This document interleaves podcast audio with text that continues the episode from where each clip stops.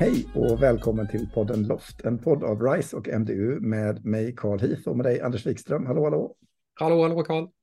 Eh, vi är ju nu mitt i den delen av den här podden som klurar på elementet process, innovationsprocess. Eh, ett av de element som finns inuti ett innovationsledningssystem och som vi inom ramen för kommunledningspartnerskapet LOFT leda och organisera för förnyelse och transformation håller på att utforskar i en masterutbildning där den här podden har sin hemvist. Och vill man veta mer om alla de sakerna, då kan man surfa till partnerskapet loft.se. Men nu tänkte jag att vi skulle gräva vidare lite grann i detta med process och innovationsprocess. Och en sak jag funderat över, Anders, det är det här med att innovationsprocessen syftar till att eh, ta fram eller vara liksom en, en stödstruktur, en, en, en, processlogik för att ta fram ett innovationsinitiativ, att få fram våra innovationer genom en process. Men mm. den här processen, innovationsprocessen och vårt innovationsledningssystem i stort och de initiativ som finns i det, de förhåller sig ju till en massa saker som finns runt omkring. Till exempel så behöver ju ett innovationsinitiativ uppstå och komma in i den här processen överhuvudtaget. Ja. Eh, och där tänkte jag vi skulle börja med att titta på det där med, liksom, vad är det, för, för, normalt sett så är det mesta av våra verksamhet som vi gör i en offentlig miljö till exempel, eh, det är ju inkrementell eh, förbättring. Det är ett systematiskt kvalitetsarbete. Det handlar mm. om att man gör någonting som är känd materia, man mäter och väger det, man kan få ett utfall, man sätter lite nya mål och budgetsätter för en ny omständighet och så kör man på. Men i vilken stund, liksom hur går det till och, och, och vad är grejen med att komma till den insikten att men nu ska vi inte göra det. Nu är det dags för ett innovationsinitiativ helt plötsligt. Ja, jag kan tänka mig att det finns flera olika perspektiv på det. Men ett sätt som, som brukar vara, eh, vara lätt att förstå sig på är just det här när vi arbetar med vårt systematiska kvalitetsarbete. Eh, och som du säger, vi mäter och väger det på, på alla möjliga håll och kanter. Och så får vi samma utfall från år till år, trots att vi har gjort massa insatser till att försöka förbättra och, och eh, säkra kvaliteten här. Eh, och får vi det vid upprepade tillfällen, då tycker jag att det är en signal på att vi kanske behöver använda lite andra verktyg, metoder, perspektiv för att just få till den förflyttningen som vi vill få till. Och då kan det eh, tycker jag eh, kategoriseras som ett, eh, ett prospect till eh, ett initiativ för en innovationsprocess. Andra perspektiv handlar ju om när vi eh, när vi som nu står inför ganska stora generella samhällsutmaningar som både en åldrande befolkning för med sig, men också att vi får färre och färre som faktiskt bi kan bidra in i, in i det kommunala arbetet eh, som sådant. Vi får kanske mindre ekonomiska resurser. Det är också signaler, tycker jag, som gör att vi faktiskt, om vi vill, kan ta till ett initiativ för innovation som Eh, motor för att klara av den typen av eh, utmaning eller ehm, eh, en sak i det här som vi ofta stöter på mm. i, våra, i våra samtal, det är ju att de flesta upplever att innovation och förnyelse, att göra det man aldrig har gjort förut på ett systematiskt sätt, det är lättare att göra i en kris. När någon kommer och liksom, omvärlden faller över en och jag måste agera. Inte mm. när jag på eget initiativ väljer att agera. Mm. Eh, men jag tänker samtidigt att det är ju en, det är en mera fördelaktig och gynnsam position att vara i det här svårare och senare sammanhanget. Att man är så pass proaktiv i sitt eh, arbete att man just kan få en eh, insikt utifrån antingen ett annat innovationsinitiativ men också ifrån den ordinarie verksamheten. Att det är någonting som blir den här signalen som gör att vi väljer att dra igång eh, processen någonstans. Så här med att utnyttja insikterna kring eh, behoven, både när vi jobbar med ett initiativ och att se att oj, här uppstår det ett värde det kanske inte direkt hör hemma med det vi håller på med just nu, men vi väljer att spara på det. Alternativt att vi också kan hämta eh, insikter ifrån eh, vårt systematiska kvalitetsarbete eller våra utvärderingsprocesser i, i den vanliga verksamheten och så. Att hitta ett förhållningssätt så att det där kopplar på vår innovationsprocess så att det finns eh, liksom öppna spjäll mellan de här sammanhangen någonstans. Mm. Och jag, jag, tänker att, att det, som, det som du beskriver här är ju eh,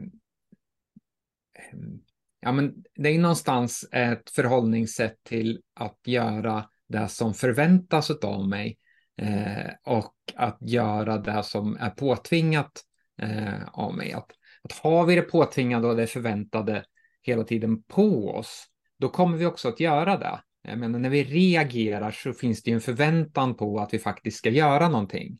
Men när vi ska vara proaktiva så måste vi ju ändå har den här förväntan på att faktiskt leverera in någonting till till mm. exempel en innovationsprocess. Och då handlar det om, som vi har pratat om tidigare, att sätta mål och, och mätbarhet i de här sakerna. Men då måste vi också tänka oss att vi har ett antal eh, kriterier som vi utvärderar våra initiativ mot och att vi någonstans har, eh, har möjligheten att väga olika idéer, initiativ mot varandra och välja det som är mest fördelaktigt utifrån de, eh, de kriterierna som vi sätter upp i vår organisation och i relation till vad det är mm. för någonting som vi faktiskt vill, vill åstadkomma. Men jag tänker att här är det ju en kluring. För om vi tar det här med krisen till exempel. Mm. Där har vi ju i regel har vi ju en risk och sårbarhetsanalys i en kommunal miljö. Vi har eh, beredskapsplaner och krisplaner och så vidare. Så det finns struktur för att göra det, o, det som man normalt sett inte gör när krisen kommer. Mm. Där har vi liksom byggt, för vi vet om att när krisen kommer så måste vi ha de där eh, checklistorna och planerna och systemen på plats, för annars så blir det jätte, jättejobbigt för oss. Mm. Men på motsvarande sätt som vi har en risk och sårbarhetsanalys så har vi liksom inte en möjlighets och utvecklingsanalys.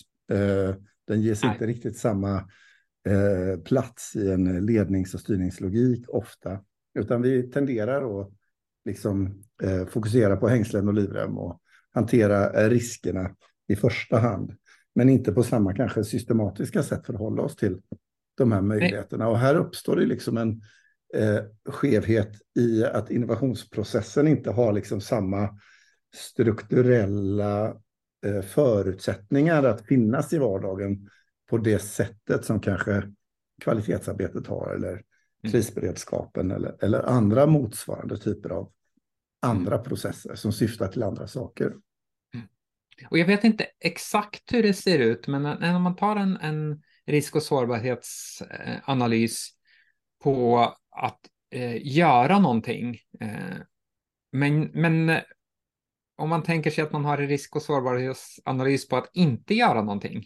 Alltså de, är ju, de syftar ju till att förbereda oss för kris och krig och grejer. Så de följer ju checklistor och protokoll ja. och manualer och sådär för hur det står till. Och så är det ett sätt att veta om jag behöver göra någonting eller sluta göra någonting eller vad det kan vara kopplat till risken mm. eh, som uppstår för att någonting ska hända då. Men om, vi, om vi tänker oss att vi, att vi nu liksom, vi vet att om Eh, Eh, om lite drygt sex år så har vi eh, 50 procent fler äldre äldre över 80 år i relation till det som vi hade 2019 tror jag att eh, utgångspunkten är för den. Det är någonting som vi vet, men väldigt, väldigt många organisationer håll, liksom, gömmer ju huvudet i sanden i relation till det. De gör små saker. Jag ska inte säga att de inte gör någonting. Och eh, självklart, vissa organisationer satsar mera på det. De har verkligen förstått att det här är en stor, stor utmaning som vi har. Medan andra går lite trevande framåt. Och där någonstans finns det också en, en risk och sårbarhetsanalys som vi behöver göra som, som, som kommun och utvärdera. Eh, ska vi dra igång initiativ som kommer att säkra framtiden för våra äldre äldre 2030 mm. eller ska vi inte göra det? Jag är ombord med det, men det jag menar är att eh, den, eh, det normalt sett vanligt förekommande sättet, det handlar om att hantera risken i det närmare perspektivet. Och är det ja. det längre perspektivet, då kanske det handlar om att liksom bron kommer gå sönder om 20 år, så vi behöver planera för att bygga en ny bro. Mm. eh, utan det handlar om känd materia. Men det är som du säger, det är lite klurigare med det som är okänt. Mm. Eh, men eh, jag tänker på en annan dimension i detta. Och det handlar ju om att när man har dragit igång en gäng innovationsinitiativ, mm. eh, eller är på gång att dra igång några stycken, eh, hur vet jag då vilka initiativ jag ska välja att satsa mina slantar på jämfört med andra? Och följdfrågan, när jag väl är igång, hur gör jag för att under resans gång välja hur jag liksom prioriterar i min portfölj? När, ja. när drar jag i bromsen för någonting? Jag vet i varje fall själv att är jag inne i ett projekt, då blir jag i regel väldigt passionerad för det och får förlustaversion, för jag har ju liksom byggt upp värde i mitt lilla projekt, upplever jag. Men i relation till två andra initiativ kanske mitt projekt inte alls har lika mycket värde. Det är bara jag som är inne i min grej och ser mitt perspektiv.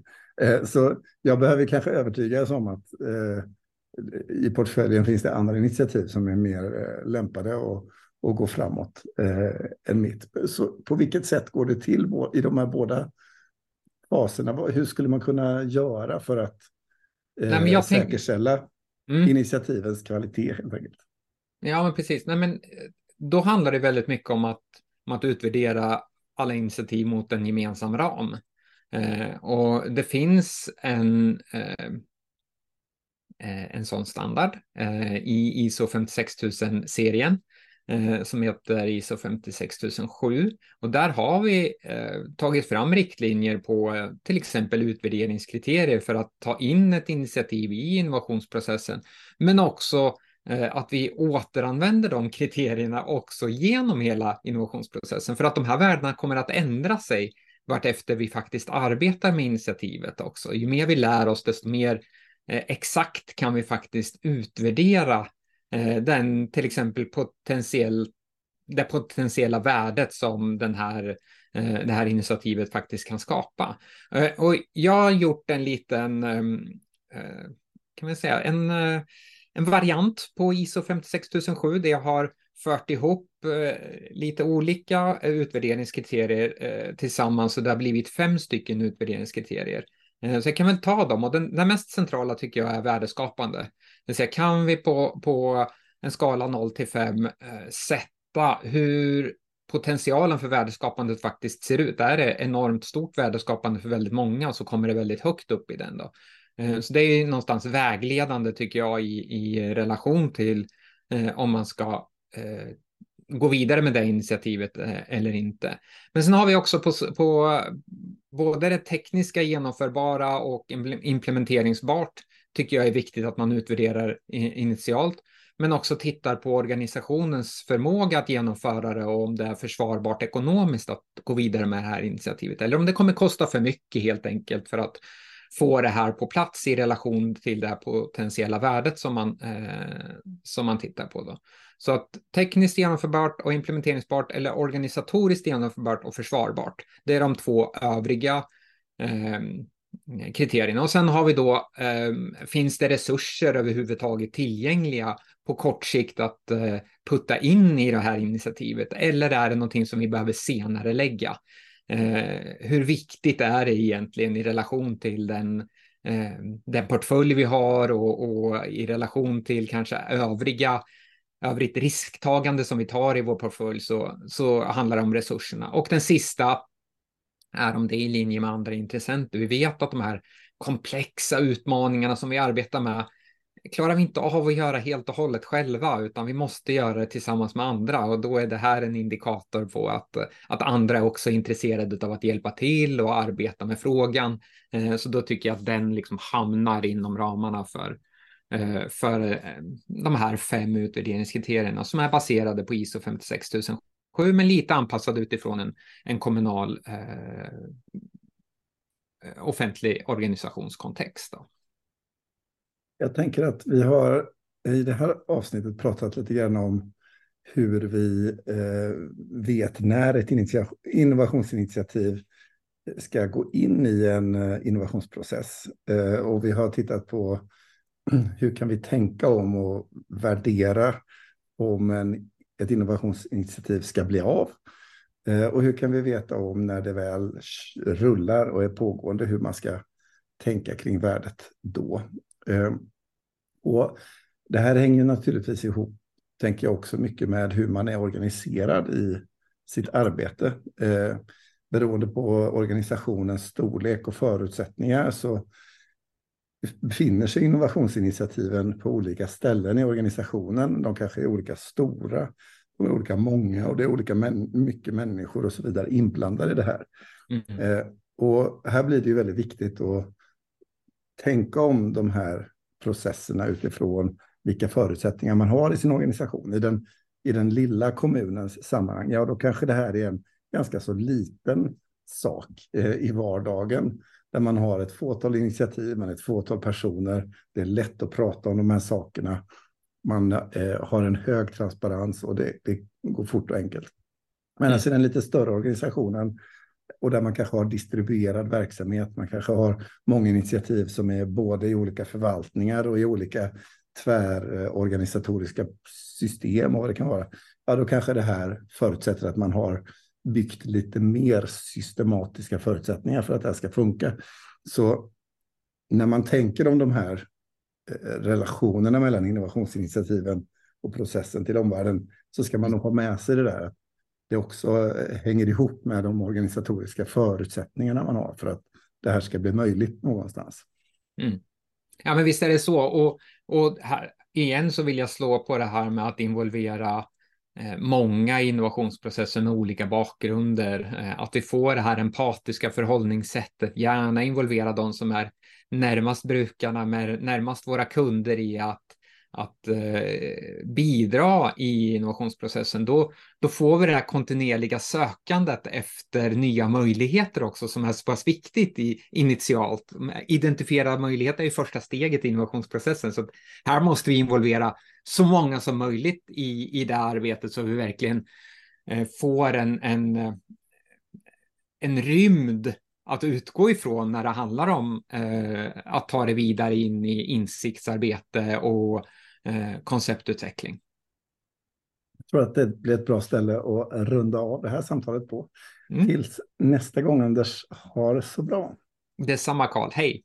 Hej.